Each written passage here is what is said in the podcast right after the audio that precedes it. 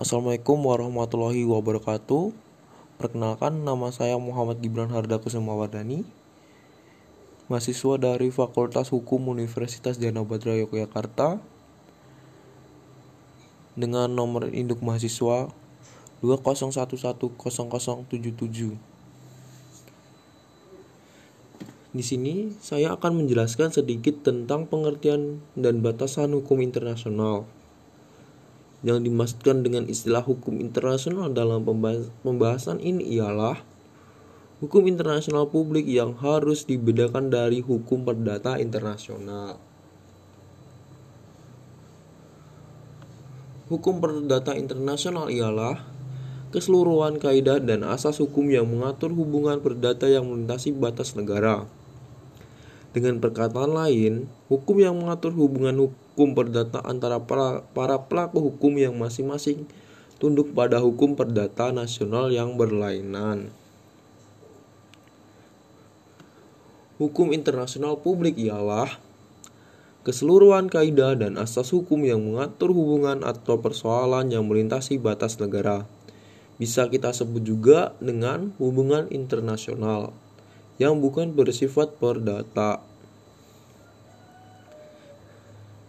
Menurut Mokhtar Kusuma Atmaja, hukum internasional ialah keseluruhan kaidah dan asas-asas yang mengatur hubungan atau persoalan yang melintasi batas negara. Antara lain satu negara dengan negara. Dua negara dengan subjek hukum lain bukan negara atau subjek hukum lain bukan negara satu sama lain Selain hukum internasional yang berlaku umum atau general, terdapat pula hukum internasional regional yang terbatas daerah lingkungan berlakunya. Seperti misalnya, apa yang lazim dinamakan hukum internasional Amerika atau hukum internasional Amerika Latin.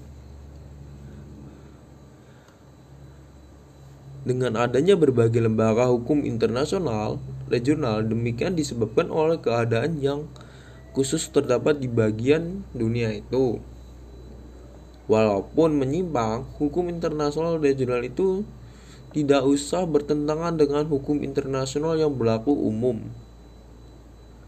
Bahkan ada kata ada kalanya suatu lembaga atau konsep hukum yang mula-mula timbul dan tumbuh dengan suatu konsep atau lembaga hukum internasional regional kemudian diterima sebagai bagian dari hukum internasional umum.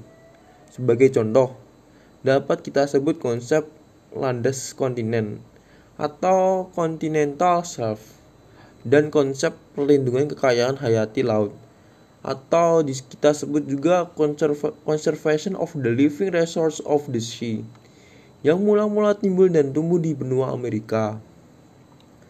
Dengan demikian, hukum, hukum internasional regional dapat memberikan sumbangan berharga kepada hukum internasional yang benar-benar universal. Bentuk perwujudan lain dari hukum internasional adalah hukum internasional khusus yang merupakan kompleks kaidah yang khusus berlaku bagi negara-negara tertentu saja. Seperti misalnya Konvensi Eropa tentang Hak Asasi Manusia atau HAM. Berbeda dengan hukum inter internasional regional yang biasanya tumbuh melalui proses hukum kebiasaan.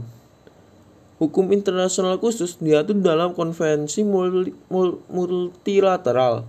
Lagi pula, para pesertanya tidak perlu terbatas pada suatu bagian dunia atau region tertentu.